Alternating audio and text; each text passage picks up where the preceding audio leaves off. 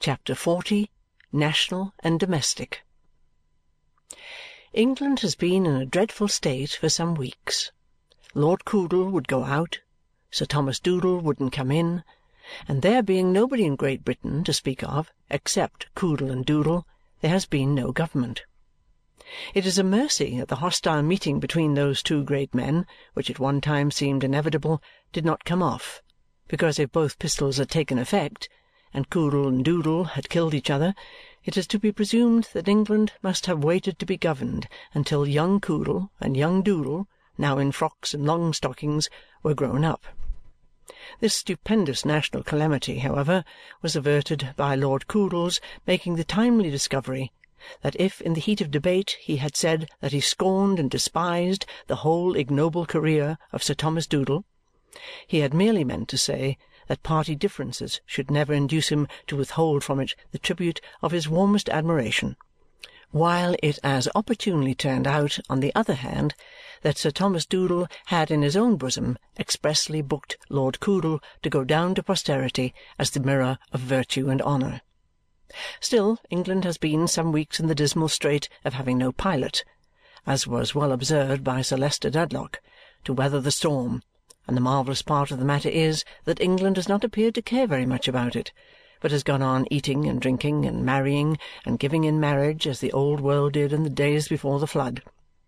But Coodle knew the danger, and Doodle knew the danger, and all their followers and hangers on had the clearest possible perception of the danger. At last Sir Thomas Doodle has not only condescended to come in, but has done it handsomely, bringing in with him all his nephews, all his male cousins, and all his brothers in law, so there is hope for the old ship yet. Doodle has found that he must throw himself upon the country, chiefly in the form of sovereigns and beer. In this metamorphosed state he is available in a good many places simultaneously and can throw himself upon a considerable portion of the country at one time. Britannia being much occupied in pocketing Doodle in the form of sovereigns and swallowing Doodle in the form of beer and in swearing herself black in the face that she does neither, plainly to the advancement of her glory and morality, the London season comes to a sudden end through all the Doodleites and Coodleites dispersing to assist Britannia in those religious exercises. Hence Mrs. Rouncewell, housekeeper at Chesney Wold, foresees, though no instructions have yet come down, that the family may shortly be expected, together with a pretty large accession of cousins and others who can in any way assist the great constitutional work. And hence the stately old dame, taking time by the forelock, leads him up and down the staircases, and along the galleries and passages, and through the rooms, to witness before he grows any older that everything is ready, that floors are rubbed bright, carpets spread, curtains shaked out, beds puffed and patted, still room and kitchen cleared for action, all things prepared as beseems the Dedlock dignity. This present summer evening, as the sun goes down, the preparations are complete. Dreary and solemn the old house looks, with so many appliances of habitation and with no inhabitants except the pictured forms upon the walls. So did these come and go. A Dedlock in possession might have ruminated passing along. So did they see this gallery hushed and quiet, as I see it now. So think, as I think, of the gap that they would make in this domain when they were gone so find it, as I find it, difficult to believe that it could be without them, so pass from my world as I pass from theirs, now closing the reverberating door, so leave no blank to miss them, and so die. Through some of the fiery windows, beautiful from without, and set, at this sunset hour, not in dull grey stone, but in a glorious house of gold, the light excluded at other windows, pours in rich, lavish, overflowing, like the summer plenty in the land. Then do the frozen Dedlocks thaw. Strange movements come upon their features as the shadows of leaves play there. A dense justice in a corner is beguiled into a wink. A staring baronet with a truncheon gets a dimple in his chin. Down into the bosom of a stony shepherdess there steals a fleck of light and warmth that would have done it good a hundred years ago.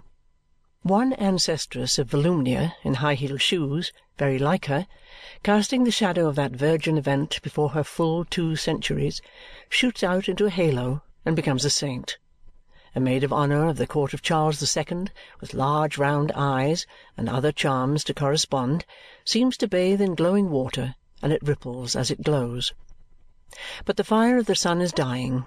Even now the floor is dusky, and shadow slowly mounts the walls, bringing the Dedlocks down like age and death. And now upon my Lady's picture over the great chimney-piece a weird shade falls from some old tree that turns it pale and flutters it and looks as if a great arm held a veil or hood, watching an opportunity to draw it over her.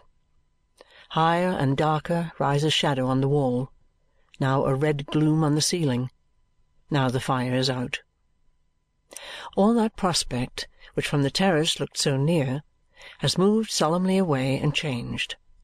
Not the first nor the last of beautiful things that look so near and will so change, into a distant phantom. Light mists arise, and the dew falls, and all the sweet scents in the garden are heavy in the air.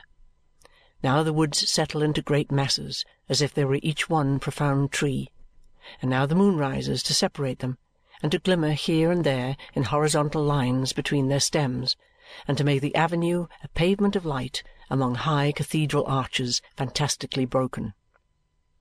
Now the moon is high, and the great house, needing habitation more than ever, is like a body without life. Now it is even awful, stealing through it, to think of the live people who have slept in the solitary bedrooms, to say nothing of the dead. Now is the time for shadow, when every corner is a cavern and every downward step a pit, when the stained glass is reflected in pale and faded hues upon the floors, when anything and everything can be made of the heavy staircase beams excepting their own proper shapes, when the armour has dull lights upon it not easily to be distinguished from stealthy movement, and when barred helmets are frightfully suggestive of heads inside. But of all the shadows in Chesney Wold, the shadow in the long drawing-room upon my Lady's picture is the first to come, the last to be disturbed. At this hour and by this light it changes into threatening hands raised up and menacing the handsome face with every breath that stirs. "She's not well, ma'am," says a groom in Mrs. Rouncewell's audience chamber. "My Lady not well? What's the matter?" "Why, my Lady's been but poorly, ma'am, since she was last here. I don't mean with the family, ma'am, but when she was here as a bird of passage like. My Lady's not been out much for her and has kept her room a good deal." "Chesney Wold, Thomas," rejoins the housekeeper with proud complacency, "will set my Lady up. There's no finer air and no healthier soil in the world." Thomas may have had his own personal opinions on this subject, probably hints them in his manner of smoothing his sleek head from the nape of his neck to his temples, but he forbears to express them further and retires to the servants' hall to regale on cold meat pie and ale. This groom is the pilot fish before the nobler shark. Next evening down come Sir Leicester and my Lady with their largest retinue, and down come the cousins and others from all points of the compass. Thenceforth, for some weeks, backward and forward rush mysterious men with no names, who fly about all those particular parts of the country on which Doodle is at present throwing himself in an auriferous and malty shower, but who are merely persons of a restless disposition and never do anything anywhere. On these national occasions Sir Leicester finds the cousins useful. A better man than the Honourable Bob Stables to meet the hunt at dinner there could not possibly be better got up gentlemen than the other cousins to ride over to polling booths and hustings here and there and show themselves on the side of England, it would be hard to find. Volumnia is a little dim, but she is of the true descent, and there are many who appreciate her sprightly conversation, her French conundrums, so old as to have been in the cycles of time almost new again, the honour of taking the fair Dedlock in to dinner, or even the privilege of her hand in the dance. On these national occasions dancing may be a patriotic service, and Volumnia is constantly seen hopping about for the good of an ungrateful and unpensioning country. My Lady takes no great pains to entertain the numerous guests, and being still unwell, rarely appears until late in the day. But at all the dismal dinners, leaden lunches, basilisk balls, and other melancholy pageants, her mere appearance is a relief. As to Sir Leicester, he conceives it utterly impossible that anything can be wanting, in any direction, by any one who has the good fortune to be received under that roof, and in a state of sublime satisfaction he moves among the company a magnificent refrigerator. Daily the cousins trot through dust and canter over roadside turf, away to hustings and polling booths, with leather gloves and hunting whips for the counties, and kid gloves and riding canes for the boroughs, and daily bring back reports, on which Sir Leicester holds forth after dinner. Daily the restless men who have no occupation in life present the appearance of being rather busy. Daily Volumnia has a little cousinly talk with Sir Leicester on the state of the nation from which Sir Leicester is disposed to conclude that Volumnia is a more reflecting woman than he had thought her. "How are we getting on?" says Miss Volumnia, clasping her hands. "Are we safe?" The mighty business is nearly over by this time, and Doodle will throw himself off the country in a few days more. Sir Leicester has just appeared in the long drawing-room after dinner, a bright particular star surrounded by clouds of cousins. "Volumnia," replies Sir Leicester, who has a list in his hand, "we are doing tolerably. Only tolerably." Although it is summer weather, Sir Leicester always has his own particular fire in the evening. He takes his usual screened seat near it and repeats with much firmness and a little displeasure, as who should say I am not a common man, and when I say tolerably it must not be understood as a common expression. Volumnia, we are doing tolerably. At least there's no opposition to you, Volumnia asserts with confidence. No, Volumnia, this distracted country has lost its senses in many respects, I grieve to say, but it is not so bad as that. I am glad to hear it. Volumnia's finishing the sentence restores her to favour Sir Leicester, with a gracious inclination of his head, seems to say to himself, "A sensible woman this, on the whole, though occasionally precipitate." In fact, as to this question of opposition, the fair Dedlock's observation was superfluous. Sir Leicester on these occasions always delivering, in his own candidateship, as a kind of handsome wholesale order to be promptly executed. Two other little seats that belong to him he treats as retail orders of less importance merely sending down the men and signifying to the tradespeople, "You will have the goodness to make these materials into two members of Parliament and to send them home when done." I regret to say, Volumnia, that in many places the people have shown a bad spirit, and this opposition to the government has been of a most determined and most implacable description. Wretches! says Volumnia. "Even," proceeds Sir Leicester, glancing at the circumjacent cousins on the sofas and ottomans, "even in many, in fact in most, of those places in which the government has carried it against affection." Note, by the way, that the Coodleites are always a fraction with the Doodleites, and that the Doodleites occupy exactly the same position towards the Coodleites. Even in them I am shocked, for the credit of Englishmen, to be constrained to inform you that the party has not triumphed without being put to an enormous expense. Hundreds," says Sir Leicester, eyeing the cousins with increasing dignity and swelling indignation, "hundreds of thousands of pounds."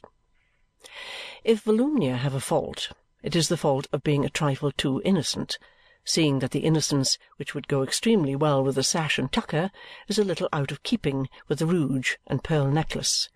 Howbeit, impelled by innocence, she asks, "What for?" "Volumnia," remonstrates Sir Leicester with his utmost severity. "Volumnia!" "No, no, no, I don't mean what for cries Volumnia with her favourite little scream. Ah, How stupid I am! I mean, what a pity!" "I am glad," returns Sir Leicester, "that you do mean what a pity." Volumnia hastens to express her opinion that the shocking people ought to be tried as traitors and made to support the party. "I am glad, Volumnia," repeats Sir Leicester, unmindful of these mollifying sentiments, "that you do mean what a pity. It is disgraceful to the electors. But as you, though inadvertently and without intending so unreasonable a question, ask me what for, let me reply to you. For necessary expenses. And I trust to your good sense, Volumnia, not to pursue the subject, here or elsewhere. Sir Leicester feels it incumbent on him to observe a crushing aspect towards Volumnia because it is whispered abroad that these necessary expenses will, in some two hundred election petitions, be unpleasantly connected with the word bribery, and because some graceless jokers have consequently suggested the omission from the church service of the ordinary supplication in behalf of the High Court of Parliament and have recommended instead that the prayers of the congregation be requested for six hundred and fifty-eight gentlemen in a very unhealthy state.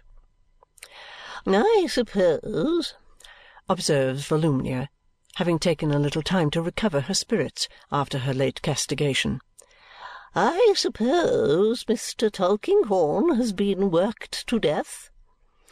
"I don't know," says Sir Leicester, opening his eyes why Mr. Tulkinghorn should be worked to death. I don't know what Mr. Tulkinghorn's engagements may be. He is not a candidate.